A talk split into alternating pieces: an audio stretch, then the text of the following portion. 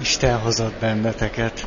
Köszöntök mindenkit, és akkor mondhatom bátran azt, hogy új témába kezdtünk bele múltkor, épp csak, hogy néhány mondatig jutottunk, és most egy másik rendszeren belül gondolkozunk, de ez a rendszer nagyon sok tapasztalattal, klassz fölismeréssel szolgálhat, a rendszernek a neve a tranzakcióanalízis, Eric Byrne munkássága nyomán, aztán mások, sokak nagyon jól továbbfejlesztették, kidolgozták, hallatlanul sok mindent profitálhatunk azokból a gyakorlati tapasztalatokból, amelyeket leírtak.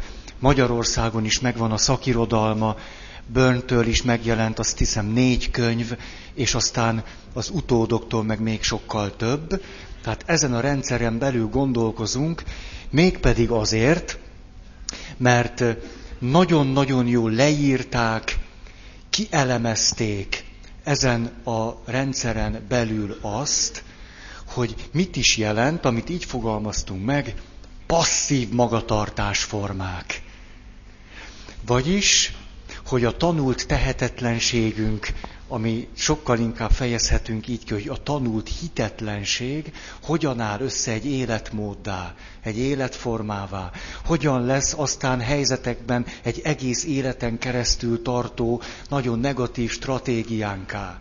Hogy honnan fakad ez, és aztán sok időt fogok eltölteni azzal, hogy arról beszéljek, ha már csinálni nem tudom, hogy hogyan lehet kigyógyulni belőle.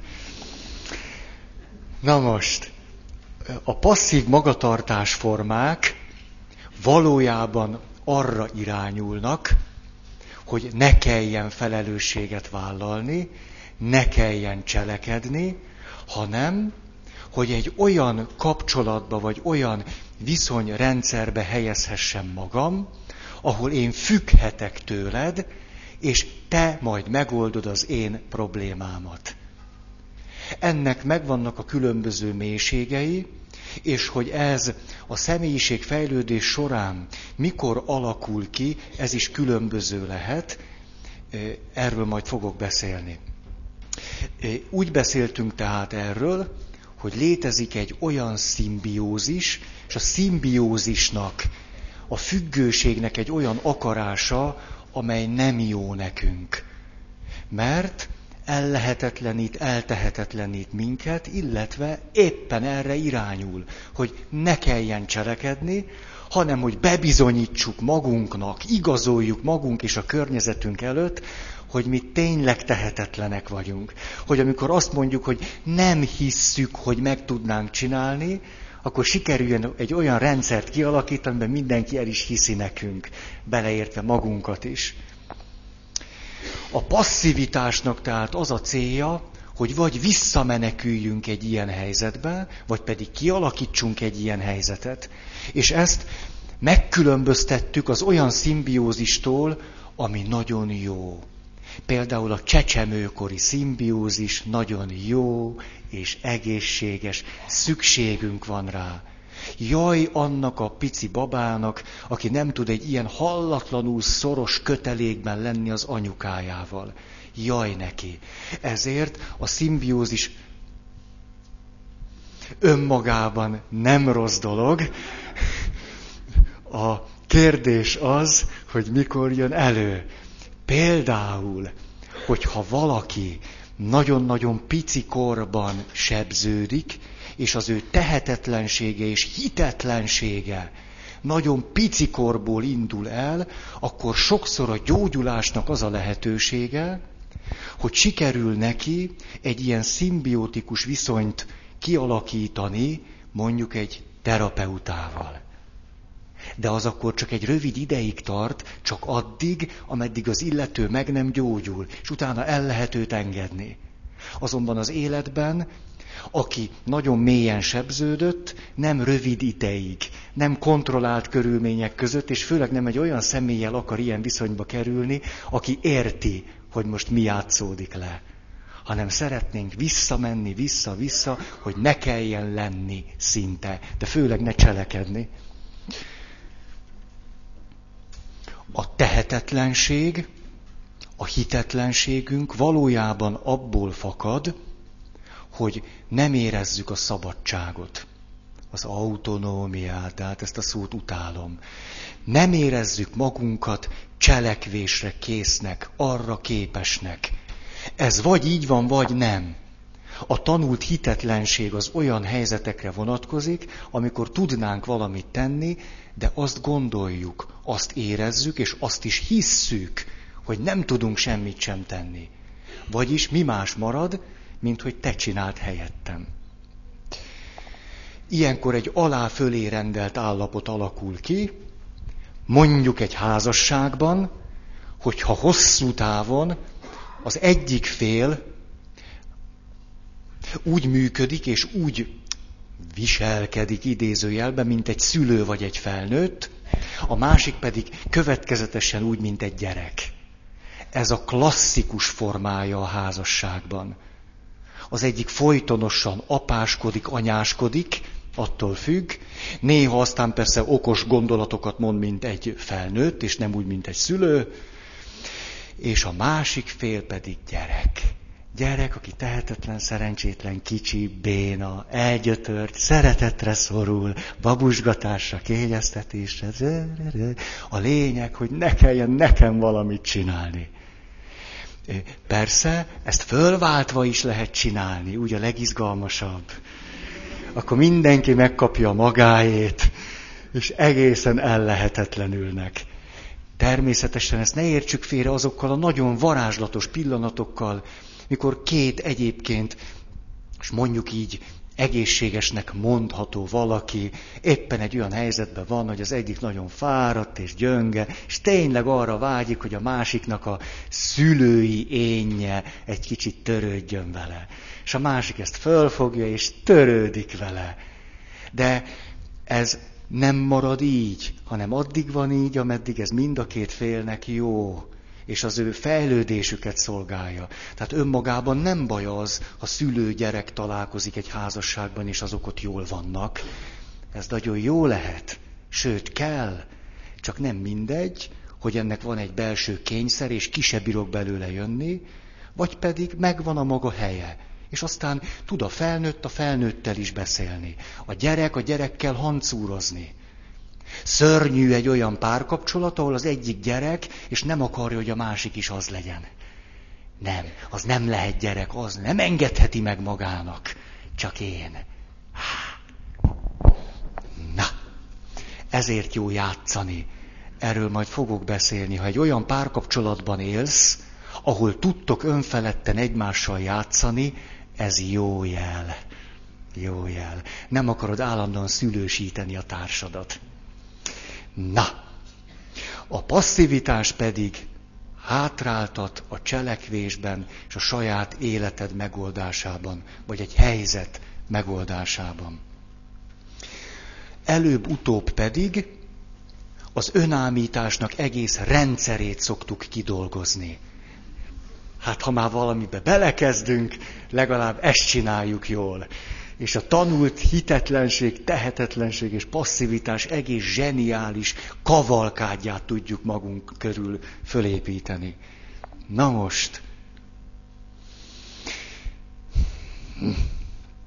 Oké, okay. akkor belekezdek. Egy. Semmit tevés. Ezt már múltkor említettem, és itt néztem az órámra. Ja, nem, még van egy óra.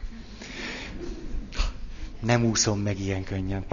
Semmit tevés, amikor az ember, nem mondom először a példát. Mondjuk ülsz az osztályterembe, fogok ilyen, ilyen gyerekkori példákat mondani, mert ott sokat élted át, akkor hm-hm. mondjuk ülsz az osztályterembe, és van egy kedves, mondjuk matematika tanár, de lehet, hogy magyar, mindegy. És ahogy egy rendes, már az én fejemben élő matek tanár feleltet, nyitja a naplót, kélyesen és hihetetlen lassan. Úgy tartja, hogy te ne lásd. Tehát hiába ülsz az első sorban, nem látod, hogy melyik betűnél járunk. És akkor úgy csinálja, hogy nyitja kettőt, hármat lapoz erre. Akkor azt gondolod, hogy ha te P vagy, akkor akkor most, most kezdett feléd menni, de akkor visszafelé is lapozik néhányat. És akkor lap, nem lapozik, hanem egy ilyen nagyobb adagot hajt. És néz, és így föntről le, így, aztán lentről föl, aztán még egyszer hajt. Tehát, hogy ha eddig volt benned valami, hogy legalább ki tudom számolni a veszélynek a mértékét, ezzel a néhány lapozással tökéletesen elvesztél. És ülsz, és és akkor egyetlen esélyen legalább egy nevet mondjon ki. Mindegy már, és akkor elkezd, hogy és, és, tehát föl sem merül az, hogy te tanultál, tudod az anyagot, készültél, vagy ha nem, legalább kivágod majd magad, vagy előadsz egy nagy sztorit, hogy miért nem sikerül tanulni. Tehát ez föl sem merül. Csak egyszerűen egy kis pöttyés ugorodtál. Ismerős ez valakinek? Vagy csak én voltam ilyen gyerek? De szívesen magamra veszem ezt, és akkor ti fölszabadultok, hogy lám, lám, hülyébb, mint én. Ez, ez szerintem nagyon megnyugtató lehet, fölszabadító. Úgyhogy ezt nyug... Én a bepisilés határáig tudtam ez. És ha a tanár volt olyan genyó, hogy azzal kezdi az órát, Ma néhány ember fog felelni. Tehát fogalmat sincs, hogy mennyi, a néhány bármennyi lehet. És akkor a harmadiknál azt mondja, hogy na, nézzük, hát ha van valaki, aki ezt tudja az osztályból, de nem jelentkezés alapján, hanem feleltetés szerűen derüljön ez ki. Na ez, ez. Ha van ilyen élményed, és sikerült átvinned felnőtt korba, értekezleten ülünk. Van ilyen élményed? Elég nagy vagy már? Valami tím munka, vagy életed első ilyen tanári értekezlete, de nem vagy már diák, te is tanár vagy, nem is érted, hogy kerültél ide. Nem tudom, volt ilyen pillanat, az nekem volt, mikor először bevezettek a, a hogy hívják, azt látjátok, hogy ennyire beteges vagyok, már a név se jut eszembe, tanári, ez az. Mert mindig az volt bennem, hogy a tanáriba vagyok, az gyerekként nagy baj. Kivéve, kivéve a gyógyulás pillanata elküldenek Krétáért. Na, van ilyen élményed? Mikor bemész, és most itt lehetek, semmi baj. Nem az ötödik igazgatóit kapom meg. Krétáért jöttem, Nusika néni! Van? És akkor egy ilyen hatalmas élmény. Tudjátok, én a nyolc általános iskolai osztályt öt iskolában végeztem el. A Csaba utcai általános iskolában kezdtem, egy évet töltöttem ott, majd átmentem a Városmajor utcai iskolába, ahol csúcsot döntöttem négy év.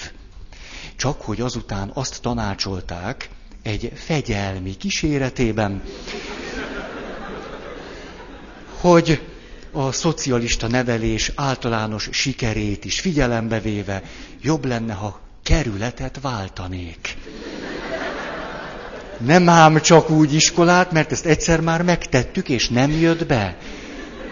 Na de ha az ember a 12. kerületből átmegy az első kerület egyik iskolájába, az egész más, és így hatodikos koromban az Attila úti általános iskolában találtam magam egy évre, majd pedig, miután nem teljességgel sikerült a beilleszkedésem, ezért átmentem, de már az első kerületben maradva, a Kosciuszkó Tádéról elnevezett általános iskolába, majd pedig innen nyolcadikban már csak egy utolsó lépést kellett tennem, hogy a gimnáziumba jelentkezhessek, a Krisztina úti általános iskolában befejezvén tanulmányaimat. Na, szóval, amikor bemegyek a krétáért, az nagy szabadság. És amikor én először nem tudom, hogy kerülök oda a tanáriban, azt mondja nekem az igazgatónő, kedves Ferenc atya, itt találj magadnak egy helyet. Már hogy, hogy én. Tehát nézd, kinek beszél, vagy mit.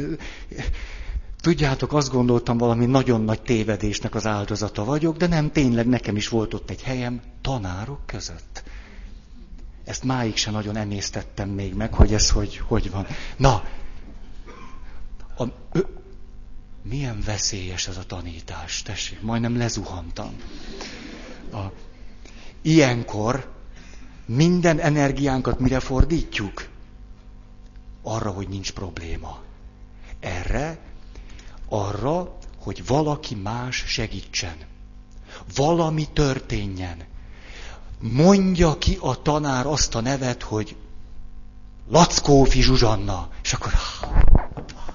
Tehát erre semmi más esélyed nincs, mint hogy valaki megment. Kívülről valami történik. Arra fordítod az energiádat, hogy ne legyél, hogy ne cselekedj, hogy hogy lehetne ezt a helyzetet úgy megúszni, hogy valahogy elhitesd magaddal és a másikkal, hogy nem kell semmit sem csinálni.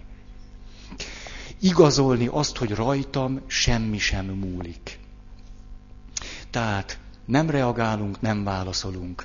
Az energiák a probléma tagadására mennek.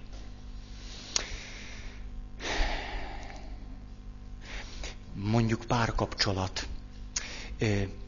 Kések a randiról. Erre a társam azt mondja, amikor találkozunk, jaj, annyira aggódtam. Aggódtam, hogy mi van veled, hogy már ennyit késtél. És én ebben a helyzetben is lebénulok és ilyen szomorúan, kicsit fájdalmasan sértetten nézek.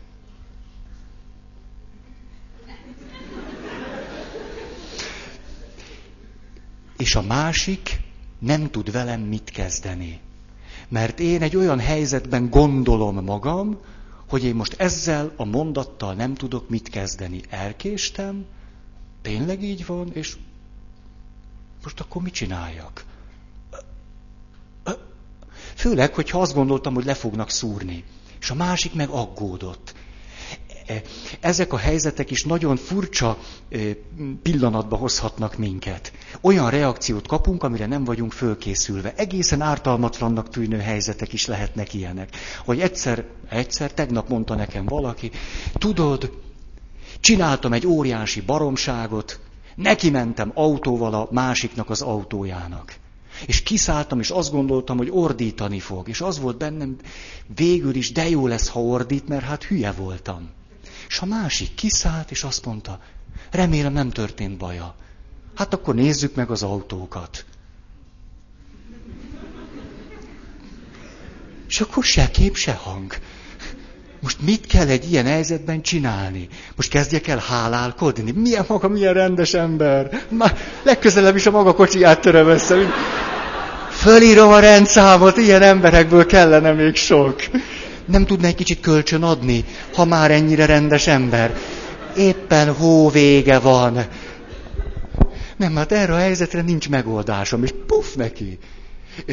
Például bennem ilyen nagyon sajátos tehetetlenséget váltasz ki, mikor egyszer csak elérkezik karácsony, és akkor itt van egy tévé. Bár nem tudjátok, mi volt benne, de az volt. Na, és a, itt itt, most akkor...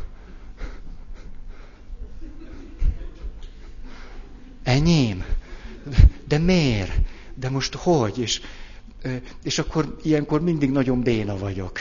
Legalábbis így élem meg magam, ilyen szerencsétlennek, tehetetlennek, visszamegyek egy olyan húsz évet, és akkor van valami ködös emlékem, hogy karácsonykor a fa alatt valahogy, hogy, hogy, hogy csináltam én ezt, és akkor valami ilyesmi történik.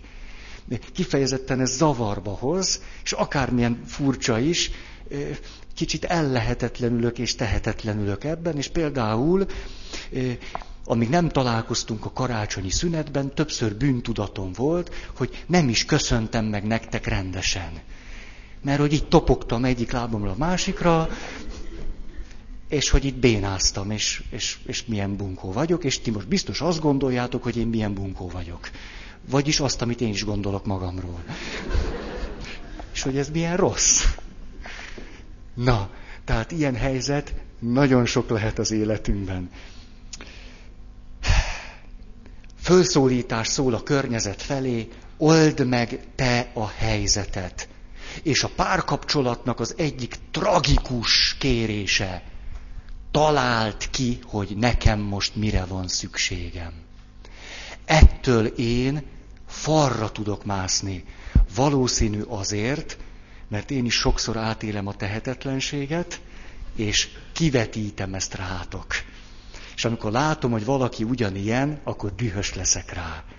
De amikor én ezt meghallom, hogy valaki egy egész stratégiává doldugozta azt ki, hogy ezekben a helyzetekben a másik találja ki, hogy mi is lenne nekem jó. Ebből a tehetetlenség kultúráját szoktuk megalkotni, a szeretetre hivatkozunk akkor szeret engem igazán a másik. Ha ezekben a nehéz pillanatokban, amikor ilyen pici gyerek vagyok, ilyen kis kicsit tehetetlen, és nem tudom, akkor ő a szemem rebbenéséből kitalálja, hogy most nekem pont az lenne a jó, hogy. Ez körülbelül olyan, egy pszichológus mondta ezt nekem, ez körülbelül akkor most egy olyan játék, hogy van itt egy sok ezer kötetes könyvtár, és nekem pont azt a könyvet kell levenni, amihez neked kedved van. Ezt, hogyha jól bezárjuk a kört, úgy szoktuk csinálni, hogy akkor szeretsz engem, ha most pontosan kitalálod, hogy mi lenne nekem jó, akkor még van egy hangyányi esélyed, igaz? Nem így csináljuk, hanem úgy, hogy te semmit sem tudsz olyat csinálni, ami nekem jó.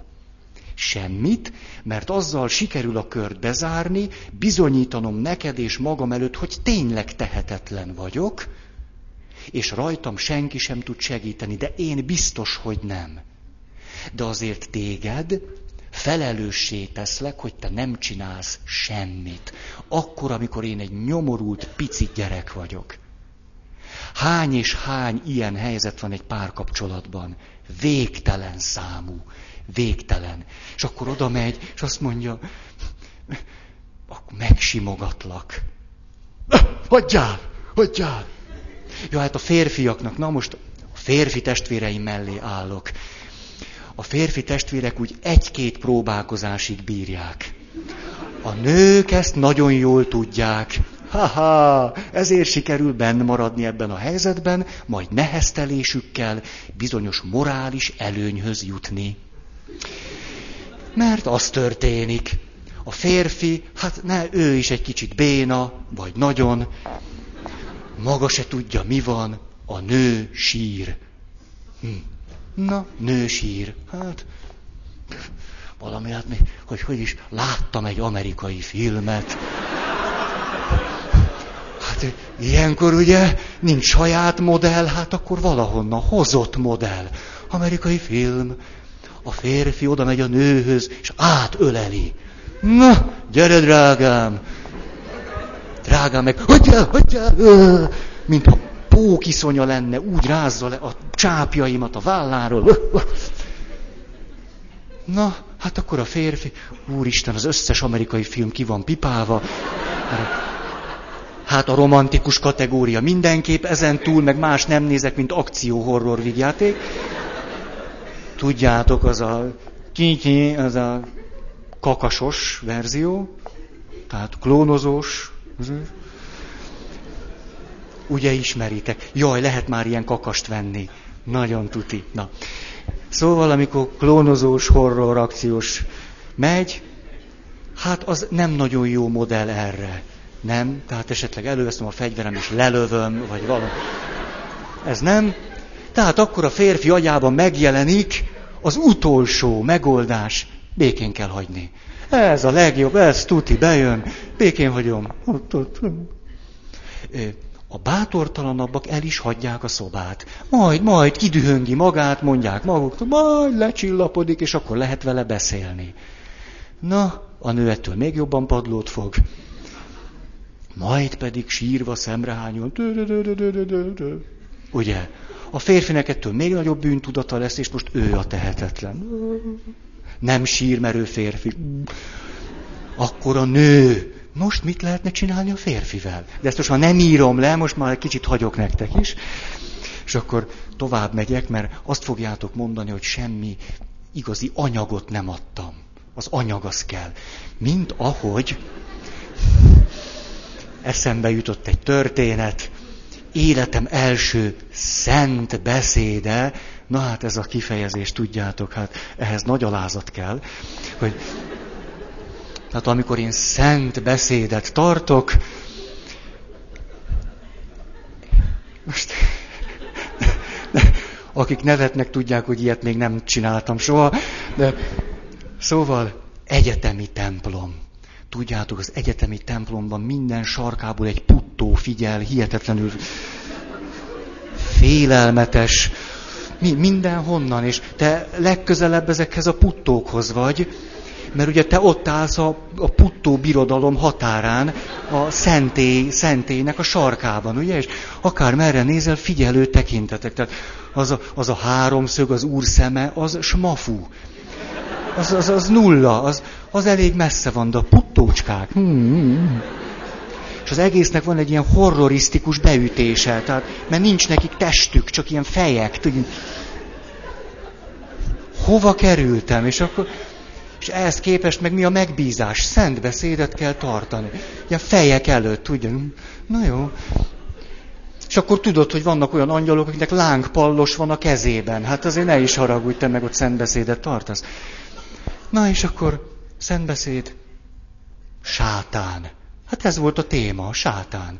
Hát hoppá, hoppá, és akkor tartottam egy laza beszédet a sátánról, és akkor doktor, doktor, doktor, professzor, PhD értékelte a beszédemet után. Jó volt, tisztelendő úr. Jó volt, elején volt bevezetés, tárgyalás, befejezés, és ami a legjobb, a közepén volt ott az a kis batyú, az a kis anyag, az kell, az az embereknek nagyon fontos legyen egy kis batyú. Az a...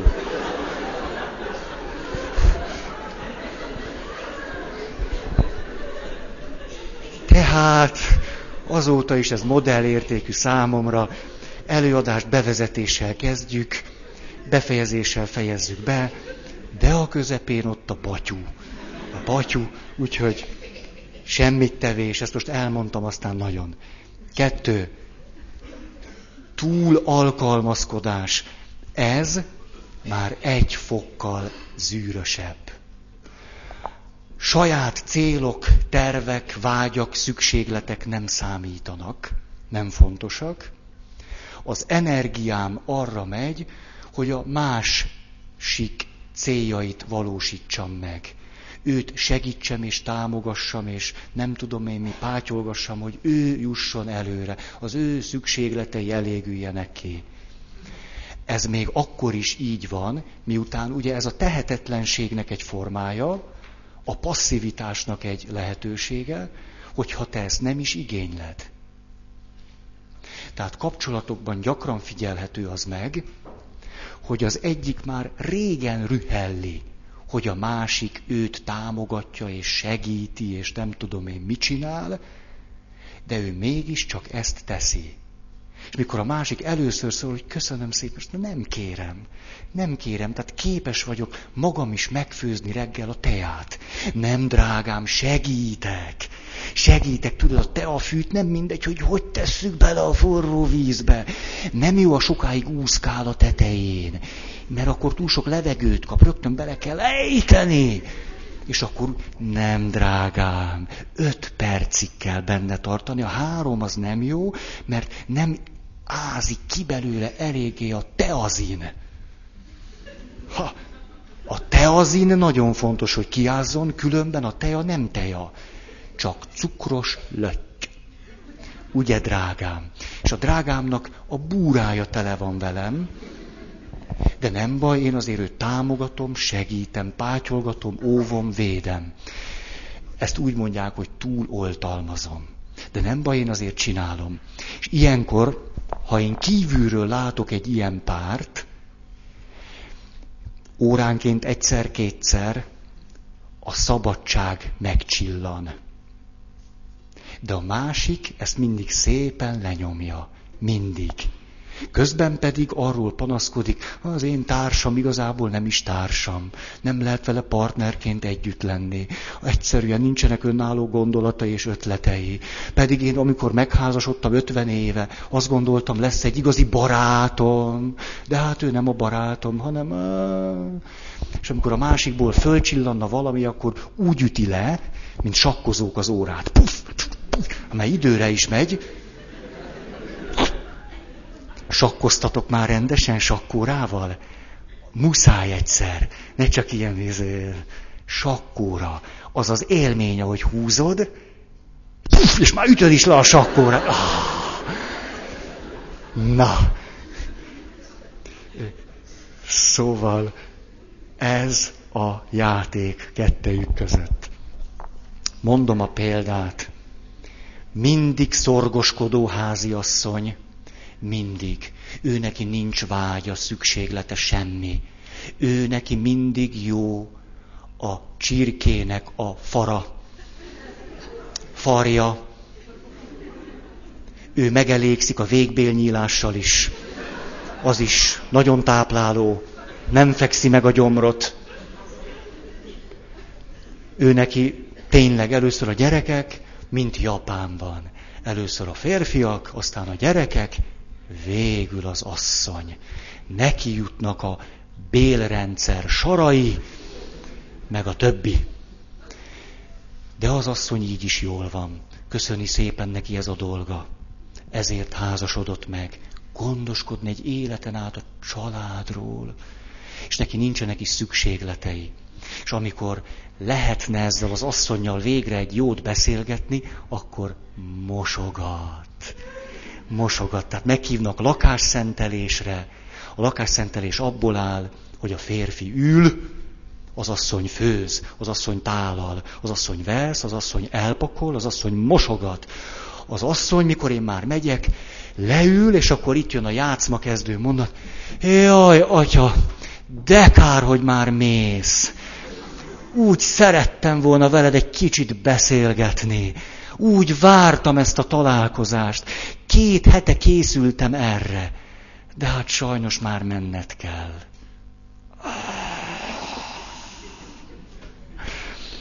A, ezt én most már rutinosan megszoktam előzni.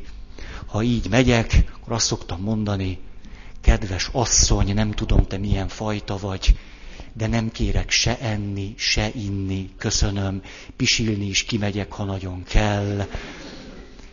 Üljél le! Próbál fölállni, akkor invitálom, nem kell fölállni. Nagyon köszönöm, nekem nincs rá szükség. De, de, atya, tudjátok, ilyenkor szoktak beindulni a körök. De, de, de, tudom én, ó, hát a papok annyira szomjasak mindig. Igen, mert a pap mindig beszél. Mindig beszél, hozok egy kis ásványvizet, hozza az... Jaj, atya, hát maga a buborékosat szereti, de én még meg se tudtam szólalni. Kinézte belőlem. Úgy, rohan, buborékos, nem buborékos, és akkor a harmadik. Közepes. Ja, nem így, enyhe. Enyhe, és akkor van buborékos, nem buborékos, enyhe. Jó lesz, atya. Van szörp. Van szörp is málnás, kivis, barackos, epres. Atya, most jut eszembe maga a kólát szereti. Leszaladok a kóláért. Mindenképp. Na.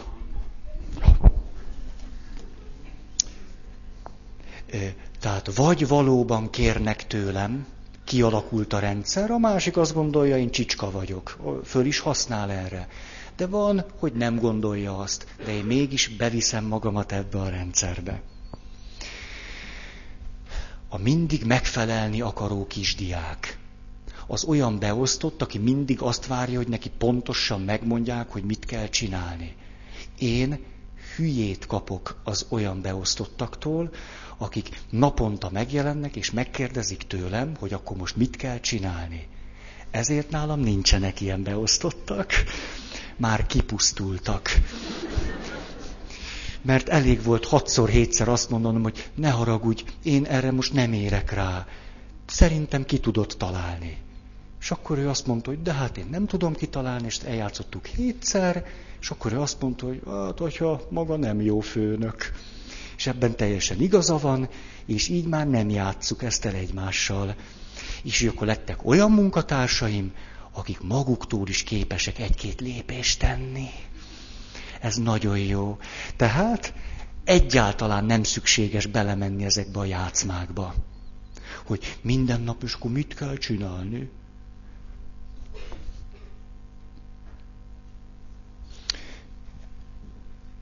Ez a helyzet fönnmaradhat azáltal, sohasem tisztázzuk, hogy mit is várunk egymástól.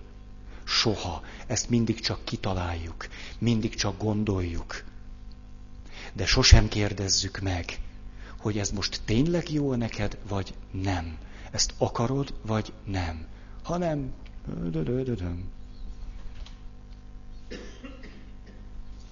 Harmadik, ez még rosszabb. Amikor eljutok oda, zaklatottság, izgalmi állapot, feszültség, idegesség. A semmit tevé, a passzivitásnak egy súlyosabb formája. Példa, vizsgadruk lámpaláz. Jár a kezem. Vannak, van olyan gyónó, ezt most szabad így, bejön gyónni, na, mutatom, mert két kéz kell hozzá.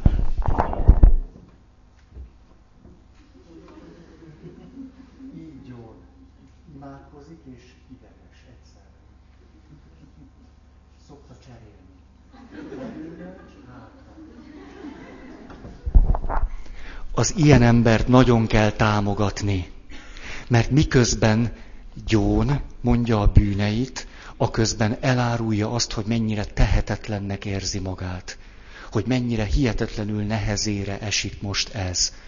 Az ilyen embert, ha csak ez nem egy ilyen, már ilyen motorikus megszokás nála, akkor nagyon kell segíteni. Felismerni azt, hogy hihetetlenül feszült, és bele jó, rossz értelemben belevitte magát egy helyzetbe ami lehet, hogy nagyon javára van, de közben hihetetlenül tehetetlennek is éli meg magát. Na, ilyenkor minden energiánk arra fordul, hogy a tehetetlenségnek az érzéseit magunkba tartsuk. Hogy a pap előtt próbáljunk úgy gyónni, mint ahogy úgy gondoljuk, hogy egy rendes gyónó gyón pedig szabadna sírni, kiborulni, kiabálni. A gyóntató fülker sok mindent elbír. Nagyon sok mindent. Az energiák tehát önmagunk tartására mennek. Fenyegetve érezzük magunkat, vagy azt a kapcsolatot, amiben vagyunk.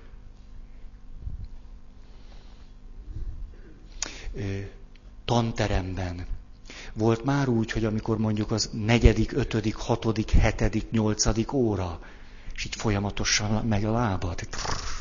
Én, én, én rengetegszer, rengetegszer, én meg se álltam, aztán így, így. És akkor egyszer olvastam, hogy az nyugtat meg, hogyha a szív ritmusának az ütemére rázzuk magunkat. Az.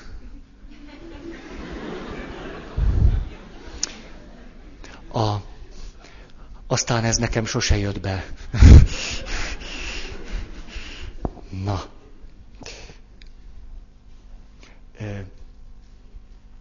Mondjuk, amikor a házastársad hazatér, és látod, hogy egyszerűen hihetetlen feszült. Férfiak tudnak így hazamenni a munkából.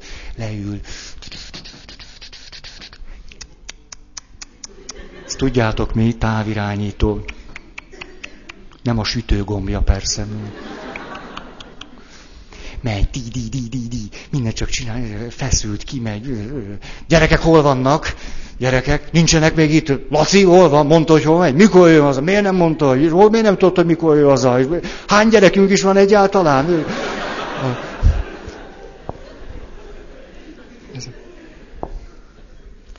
Ez, nagy tehetetlenségről árulkodik, amit a ház ura föltehetően a munkahelyén szedett össze.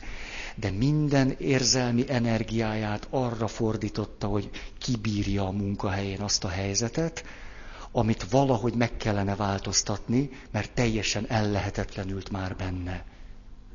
De vagy fél, hogy kirúgják, vagy mit tudom én. Oké, okay. és a legrosszabb, amikor a szószoros értelmében tehetetlenségbe zuhanunk, tehát vagy teljesen képtelennek érezzük magunkat bármire is, és ez elönt minket, vagy ennek van egy másik párja, illetve egy másik oldala, és ez így van párban, ez pedig az agresszivitás. Amikor másokat arra kényszerítek, kényszerítek, hogy csináljon már valamit. Például, amikor a nő nem csak tehetetlenül sír, hanem egyszer csak fölcsattan, és elkezd veled üvölteni. Csinálj már valamit, te vagy a férfi! Vagy nem. De mégiscsak te vagy, csinálj valamit! Vagy az agressziónak van szavakban megnyilatkozó rengeteg formája. A másik szidalmazása, bántalmazása. Például az agressziónak ilyen megnyilatkozása a sértegetés. Miért sértegeti a nagy okos férfi a nőt? Azért, mert tehetetlen. Mert fogalma sincs, hogy tíz éve már ezt a helyzetet hogy kéne megoldani. Ezért sokkal egyszerűbb azt mondani, ne legyél már ennyire béna, állj már a sarkadra, magadnak köszönheted, hogy ebből a helyzetből sose bírsz kimászni. Miért is vettelek el? Ez a mondat a férfiről szól. Arról, hogy fogalma sincs, hogy ebben a helyzetben mit lehetne csinálni. Gyerekek gyakran az agressziónak hihetetlen zseniális formáihoz fordulnak, ilyen undorkeltés, megbotránkoztatás, amikor egy gyerekre a felnőttek nem figyelnek, hosszú távon folyamatosan, és a gyerek már nem bír mit csinálni, akkor mondjuk ránk hányja az ebédet. Lazán. Kiengedi a boát. Na, akkor már muszáj valamit csinálni. A szülőnek persze, nem neki.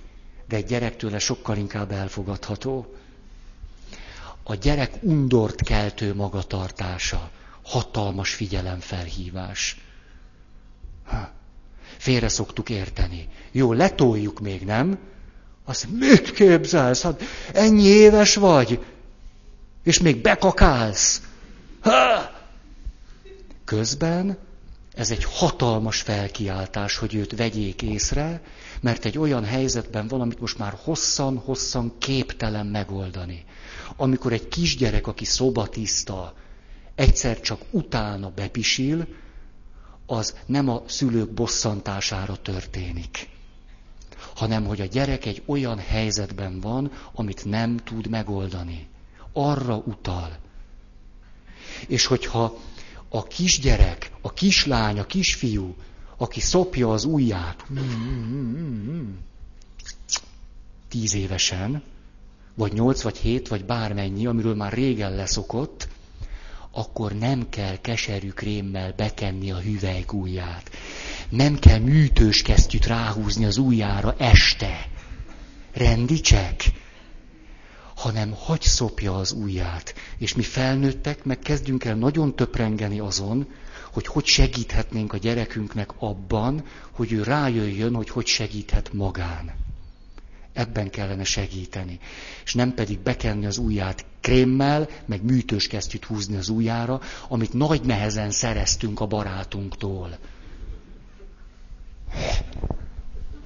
A másik, ismerek én olyan kisfiút. Ha, nem én vagyok.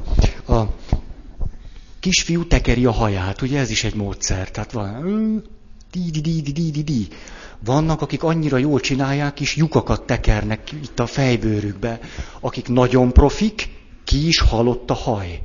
Tehát annyira jól csinálják, hogy sose lesz rövid hajuk, mert ilyen pik-pik-pik-pik-pik Kis lyuk, lyuk, lyukkal van tele. Ha sok a haja, nem veszed észre. De ő el tudja mondani, hogy és akkor a bölcs szülők megoldása. Sapkába kellett aludni. Na, na, na, na. És ezzel segítették őt a bőséges hajjal beköszöntő serdülőkor megéléséhez. Ha. Pedig ez... Na, akkor mindig az a baj, hogy itt vagytok, mert ez egy kicsit feszélyez. Nem tudom, hogy hova nézzek, tudjátok. Na jó. A,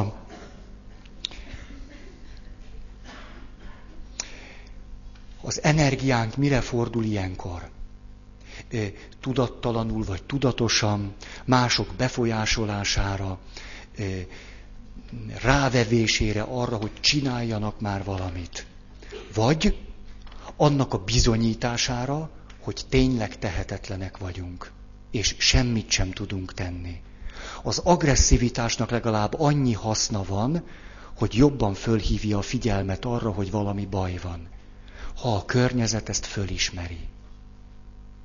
Akkor legalább az energiák, amivel cselekedni lehetne magunkért, megvannak. Tehát igen, az agresszió, az erő hiánya, persze pszichés erő van, inkább én ezt úgy szoktam fogalmazni, a harag veresége. Amikor a harag nem jut célba, nem figyelnek föl rám, akkor jön az agresszió. Na, a, a tanár, aki végül is megelégeli, és lekever egy pofont a diáknak. Ez az erő hiánya, a konstruktív erő hiánya, mondjuk akkor így. A tanár legnagyobb tehetetlensége, amikor már ehhez folyamodik. Kivéve, ha makarenkónak hívják. Ordítás, gúnyolódás, nagyon a tanári gúny. Aztán feleségverés, férjverés. Olyan is van. Van, csak az még kevésbé kerül elő. Mondjátok meg nekem, melyik az a férfi, amelyik bátran a statisztika élére áll. És azt mondja, nem csak a nőket, én is itt vagyok rögtön. Férfi társaim, sorakozó, minket brutálisan bántalmaznak a nők. Na hát én ezt megnézem. Pedig van ám, van ám.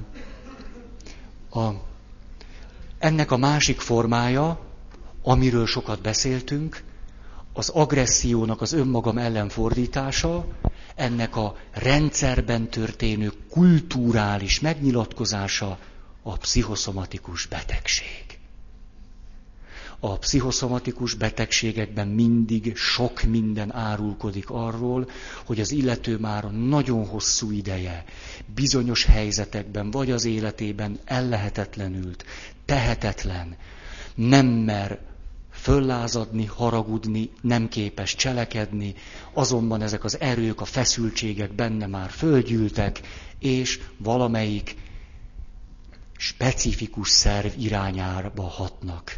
Hogy ez melyik szerv, ez lehet szimbolikus, de lehet egyszerűen egy olyan adottság, hogy kinek melyik szerve a gyönge. Olyan is lehet. Ezért van az, hogy egy jó terapeuta, hogyha látja ezeket a betegségeket, a betegségből nagyon sok mindenre tud következtetni, hogy mi volt előtte. Persze már egyébként régen túlhaladtuk azt, hogy vannak pszichoszomatikus betegségek, és vannak nem pszichoszomatikus betegségek. Most már sokkal árnyaltabban beszélünk erről. Inkább arányokról beszélünk, hogy mikor, eh, mi mennyiben határoz meg, vagy tesz, hajlamosít minket egy-egy betegségre. Tehát ne szűkítsük le a kört, hogy van mondjuk az asztma, a migrén, a gyomorfekély, a szívpanaszok, magas vérnyomás, most mondtam klasszikus dolgokat, anorexia nervóza, bulémia, na ezek klasszikusak, de nem csak ez tartozik ide. Hogy? Na most, mi tartja fönn az ilyen állapotot? Nagyon nagy kérdés. A hit. A hit, amely egy negatív hit, egy kulturálisan, ez családi kultúra, szülői kultúra, akármilyen kultúra, kulturálisan átörökített hit, ami ezekben a helyzetekben bennünk él, és mély meggyőződésé vált. Mondom ezeket. Egy. A túlélésem, az életben maradásom másoktól függ. Ráadásul csak alá fölé rendelt viszonytól várhatom azt. Muszáj függő viszonyba kerülnöm. Mert az a mély meggyőződésem, hogy csak ez segít nekem, hogy túléljek. Különben megsemmisülök. Nem tudok élni enélkül. Enélkül semmi sem vagyok. Ha nem vagy mellettem, fogalmam sincs, hogy mit kell csinálni. Második hit. Persze nagyon negatív értelemben. A saját szükségleteimről, vágyaimról és céljaimról, azok eléréséről egyedül nem vagyok képes gondoskodni. Nem tudom őket egyedül elérni. Harmadik. Mindenképpen el kell érnem, hogy mások törődjenek velem és foglalkozzanak velem. Mert ez segít nekem, hogy legyen erőm az élethez. Ezt mindenképp el kell érnem.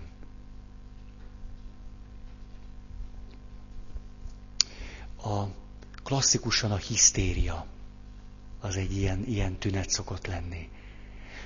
Mindegy, hogy hogyan, de fölhívom magamra a figyelmet. Muszáj, hogy valakik foglalkozzanak és törődjenek velem. Mindegy, hogy milyen áron. Lehet, hogy sokkal többet veszítek vele. A, egy nagyon izgalmas tanulmányt olvastam a 19. századi hisztériáról. A tanulmánynak a veleje az volt, hogy nézzük meg, hogy minden kultúrának és korszaknak megvan a maga klasszikus betegsége. A 19. századi női hisztériás rohamokból és elájulásból, 18-19. század, kinőttek a nők. Egyszerűen kinőttünk, tehát hány és hány romantikus filmet láttunk, ahol van egy nehéz helyzet, a király kisasszony nem tudja, hogy mit csináljon,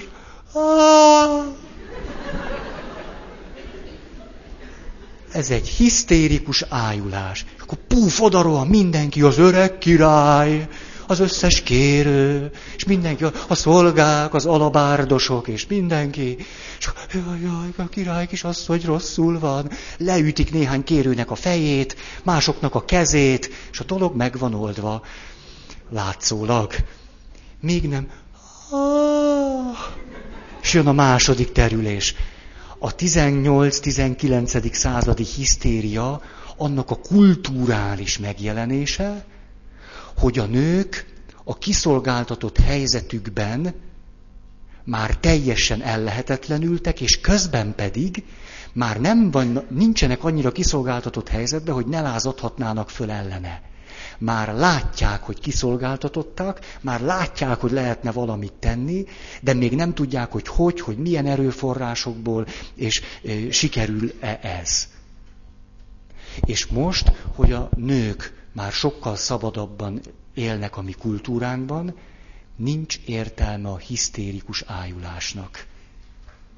Nincsen. Most egyszerűen csak patáliát csapunk. Az ájulásra már nincs szükség annál kisebb a baj.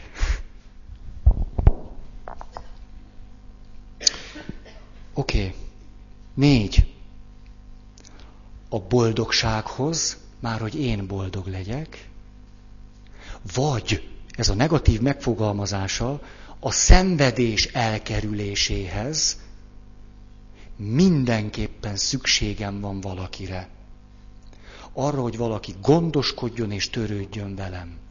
Nem csak néha-néha, mindig, folyamatosan kell nekem egy ilyen ember.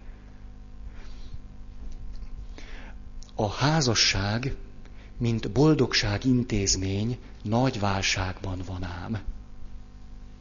Mert a házasság, mint boldogság intézmény ehhez a modellhez kapcsolódik. Ezt még átörökítettük néhány száz évvel ezelőttről. Amikor a szerelem romantikus mítosza átlebegett bennünket, ez még ma is tart, csak kezdünk kiábrándulni belőle, és azt gondoltuk, hogy a szerelem nyomán a házasságnak a célja az, hogy a társam engem boldoggá tegyen egy életen keresztül. Ha, ez a házasság, mint boldogság intézmény romantikus mítosza, amely egy nagyon nagy mítosz. Egy hiedelem, amiből jobb, jobb kigyógyulni. Nem tudom, hogy, hogy elég árnyaltan tudtam-e fogalmazni. Nem azt mondtam, hogy a házasságban nem lehet boldognak lenni. De a házasság nem annak az intézménye, hogy találtam valakit, akinek az a dolga, hogy engem boldoggá tegyen. És nekem minden erőmet arra kell fordítani, hogy ennek az embernek bebizonyítsam, hogy tényleg ő az, akinek ezt meg kell tenni, mert én tényleg boldogtalan vagyok. Én tényleg nagyon szenvedek. Én nekem ez most tényleg nagyon-nagyon-nagyon-nagyon rossz. Hát, és akkor sírok, és kiborulok, és toporzékolok, és ak, féltékenykedek, és dühöngök, és megverlek, és, és bűnbánatot tartok, és szégyenkezem, és elbújdosok. De az egész arra megy ki, hogy te tényleg lásd, hogy rajtad múlik az én boldogságom. A papság, mint boldogság intézmény, hol van már? Körülbelül a házassággal, mint boldogság intézménnyel együtt tűnt tova. Tehát, hogy a papság az az életállapot lenne, amelyben Istennek a dolga az, hogy papját, a fölszentelt szolgát egy életen át mámoros boldogságba helyezze. Papnevelő intézetben naív papnövendékek rendre hagyják el az intézmény falait. Mert képzeljétek el, imádkozni is kell.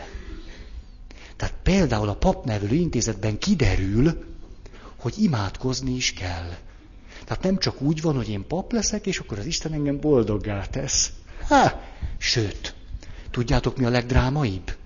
Mikor egy fölszentelt pap rádöbben arra, dolgozni kell. Oh! és képzeljétek el, nem ám csak úgy van, reggel egy mise, rövid szentbeszéddel, délután egy pici gyóntatás, este egy kis tarok, parti, az orvossal, az ügyvéddel, meg az iskolaigazgatóval. Tehát mikor az ifjú pap rádöbben arra, Na hát, a munka, akkor nem érti. Erről nem volt szó. Hát arról volt itt szó, hogy az Úr legyen veletek, de főleg velem. Mert nem, ez nagyon jól ki van találva. Nem, én azt mondom, az Úr legyen veletek. Tehát én kívül vagyok, nem? Én nem mondok én nektek semmit. Azt mondom, az Úr legyen veletek. Hallod, Uram, dolgod van, gyere csak, elkezdődött a mise, ne szundikálj jön, és erre te mit válaszoltok? És a te lelkeddel. Köszi, jó, jó. Hát ezt érdemes misézni nagyon. És a, nem, tehát, hogy én hívom az urat, hogy legyen veletek, ti meg azt mondjátok, hogy meg itt vagyunk veled, atya, nyomas csak, mi, mindegy, egy emberként. Ez egy nagyon szép, intézményesült, az Úr legyen veletek, és veled, kedves papbácsi. Jó, ez nagyon jó, ezért kötelező minden nap misézni. Igen, hogy ezt átéljük. Hát, hogy így, hogy kórusba halljuk, hogy és veled is. És a legszebb, amikor mondjuk egy püspök atya azt mondja, hogy, hogy és támogasson bennünket a Jóisten, engem is méltatlan szolgálat. Ezt úgy bírom, mindig szeretek püspökökkel misézni, mikor ezt bemondják, hogy és engem is. Ez olyan jó. Hogy kanyarodtam ide? A... Ja igen, igen, hogy igen, ennek a két intézménynek, mint boldogság rendszernek az összeomlása hallatlanul látványos. De a legtöbb ember még mindig ott tart, hogy a mítoszt föntartja, és azt gondolja, hogy nem találta meg az igazit. Há, csak ezen múlott. Túl korán házasodtam, 38 évesen már megházasodtam, én botor. Mindig, mindig az anyám mondta, hogy jól nézd meg, fiam hogy kit veszel el, és én 38 évesen egyszerűen szinte vakmerő módon beleugrottam egy ilyen át nem gondolt 12 éves jegyesség után egy ilyen... Anyám, anyám, ne sirassál. És akkor két év alatt kiderül, hogy hát az is csak egy ember. Hát ember, ő, ő is ezzel a mítosszal jön, néz rám nagy szemekkel, néz, hogy na, na, csinálsz valamit? Na, leszek ma este boldog? Ha? Nem, és hát nincs válasz, ő is üveges szemekkel néz. Hát 38 éves már ő is, hát szeme romlik. Nem, hát, és akkor rájövök, egyszer csak bekúszik a fölismerés. Hát hiszen mindig is mondtam, nem akarok szemüveges nőt. Hát itt rontottam el. Rossz volt a választás. Hogy felejthettem el? Hát most, hát eszembe volt még. Hát 17 éves, amikor romantikus mítosz igazán itt gyökeret vert a szívemben, hát akkor elhatároztam, nem lehet szemüvege. Csak üveg nélküli nővel. Úgy az igazi. Ha, és akkor jön egy, egy, egy gyönge kísérlet a kontaktlencsével, de hát... Ezt már előre kudarcait értnek tekinthetjük. És akkor keresik az újabb... A... Én ezt most... Jaj, most beszéljek még a papságról, akkor lesz egyensúly. Még magamról kéne egy kicsit, hogy hogy, hogy szeretnéd mi? Ne, ne. Szóval Persze, hogy lehetünk boldogok, de ezek nem, na, értitek már, már ennél hülyébb nem lehetek már most.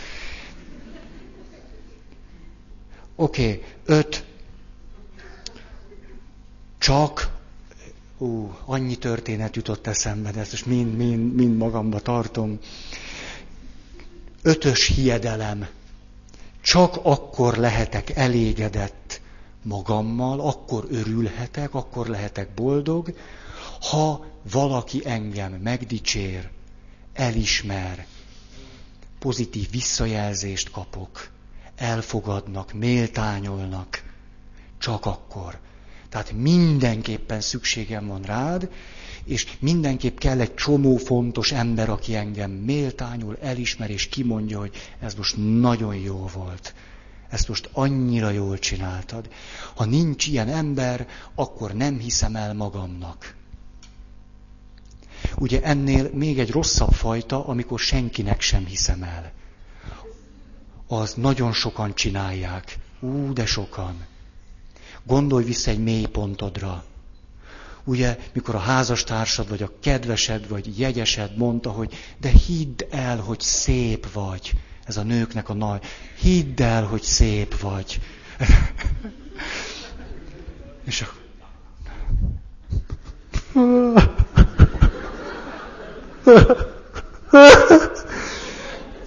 És akkor jön 25 mondat. Ezt most te csak csinálod vele, ez gúnyolod, hogy lennék szép. És akkor Ilyenkor szokott a férfi lépre menni, mert ráhúz. De, de, de, mert azt gondolja, hogy van egy kis esély. De, de szép vagy, szép vagy. Mert, mert a, akkor mondtad volna, amikor még nem bőgök, akkor elhiszem. És akkor kirohan a tükörhöz, hát persze, már tiszta vörös a feje, bejön, erre mondod, hogy szép, te rohadék.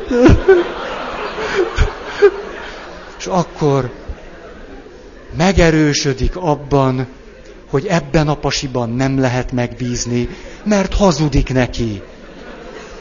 Vagyis, hogy a számomra legfontosabb ember, akiben a reményem volt, hogy ő megerősít, és ő szeret engem, abban egy ilyen kritikus pillanatban, amikor annyira rászorultam volna, hogy e, valaki azt mondja, hogy szép vagyok, hazudik.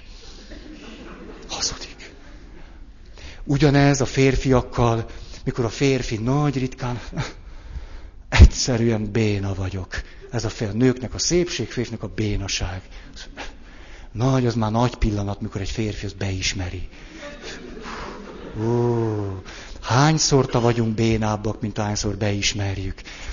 Béna vagyok jó, és akkor hát a feleség, ú, de szeretik ezt a feleségek. Általában van kivétés, de hogy te vagy a legtuti. És akkor a férfi mit gondol? Utálom, hogy a nők így hízelegnek, hogy ilyenkor most ki akarja használni a helyzetet, és most ő van fölényben, és az egész egy kamu, az egész most egy játszma, de hogy hiszem én el, most ő van fölényben. A, most ezt, ezt miért mondtam? Hát tényleg kontrollálhatnám magamat egy kicsit. Csak, de tudom, mert van jegyzet.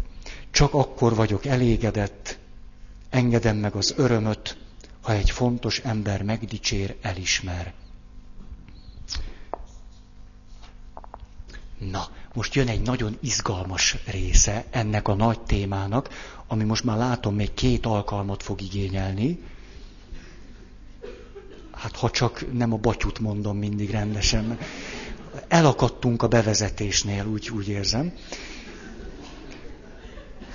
Igen, mert a bevezetés a prédikációban azt a célt szolgálja, hogy a hallgatóság figyelmét fölkeltsük a batyú iránt.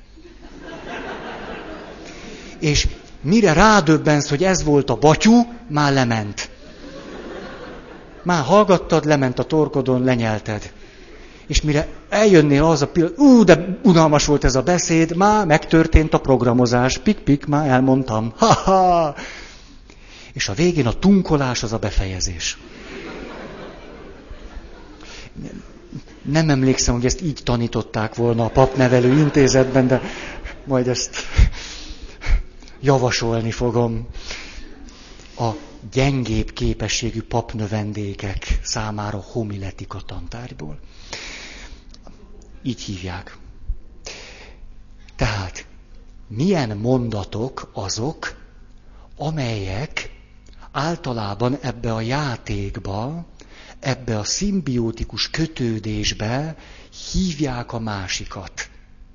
Ezek jelzés értékű mondatok, érdemes őket ismerni, mert általában több mindent fejeznek ki, mint pusztán csak a szavak, meg a velük közölt információ. Nagyon egyszerű mondatok lesznek. Mondom a meghatározását, ezek önmagában is elgondolkodtatók mondani, anélkül, hogy mondanánk. Ez jól kifejezi azt, hogy mi a semmit tevésben vagyunk, a tehetetlenségben, mi nem mondjuk, de azért mondjuk. Tehát úgy mondjuk, hogy, hogy te csinálj valamit. A klasszikus mondat, nem gondoljátok, hogy ki kéne nyitni az ablakot? Valakinek ki kéne nyitni, nem gondoljátok? Nem gondoljátok, hogy ezt most már be kéne fejezni? Sőt, nem gondoljátok, hogy ezt be kellene fejeznetek? Nem gondoljátok, hogy itt túl meleg van? Ezek mondani úgy, hogy én, én nem mondtam semmit, e, ez, ti vagytok, ti, ti. Ti nektek kell érezni, hogy meleg van, ti nektek kell cselekedni. Nagyon sok ilyen mondatunk van. Okay. Kettő. Kérni, anélkül, hogy kérnénk. Például, mikor lesz már vége ennek az előadásnak? A, amikor úgy kérdezek, úgy kérek, hogy valójában én nem kértem, én nem, nem, nem, nem mondtam semmit, én, én csak arra lennék kíváncsi, hogy nem járt már le az idő. Nincs itt a vége. Jól látom az órát. Nálatok hány óra van? Jól jár az órám. És a társai. Ö, házastársak, ugye most rengeteg példát lehetne mondani. Nem gondolod, hogy késő van? Mikor nyolc helyet tízre ment haza a pasi.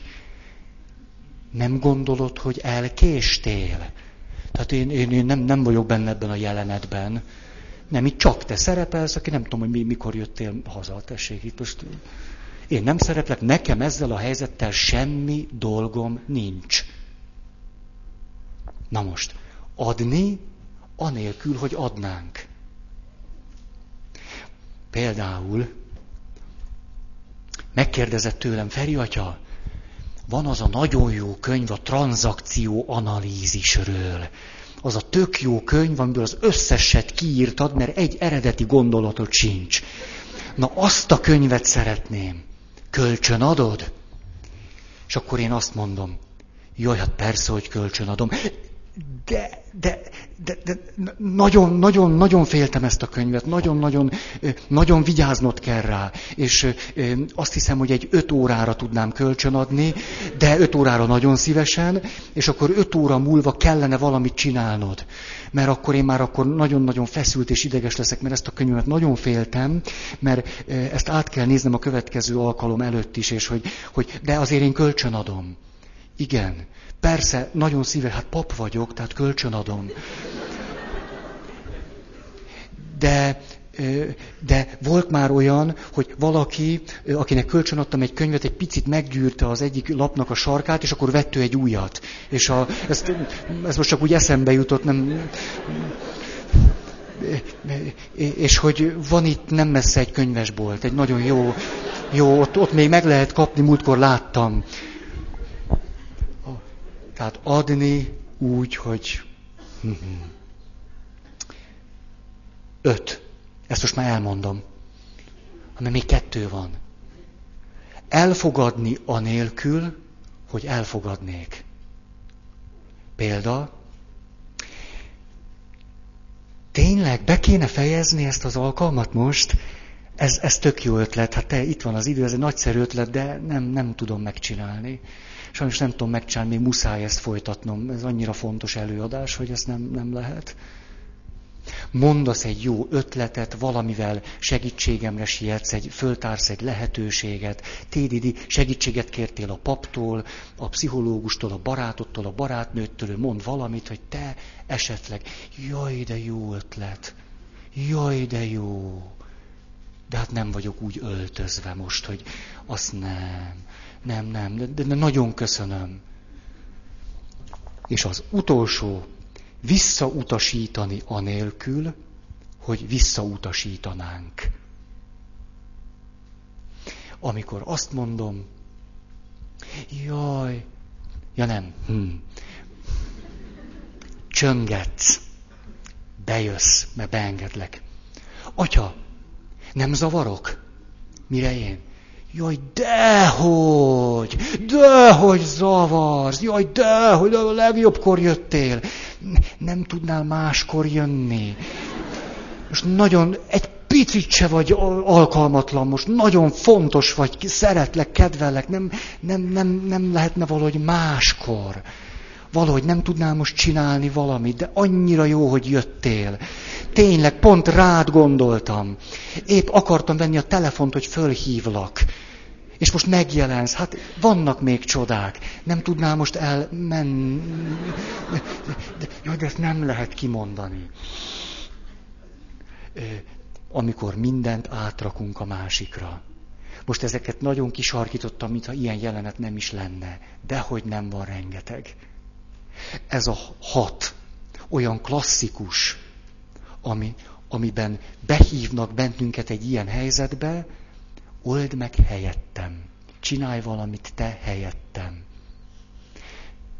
Oké. Okay.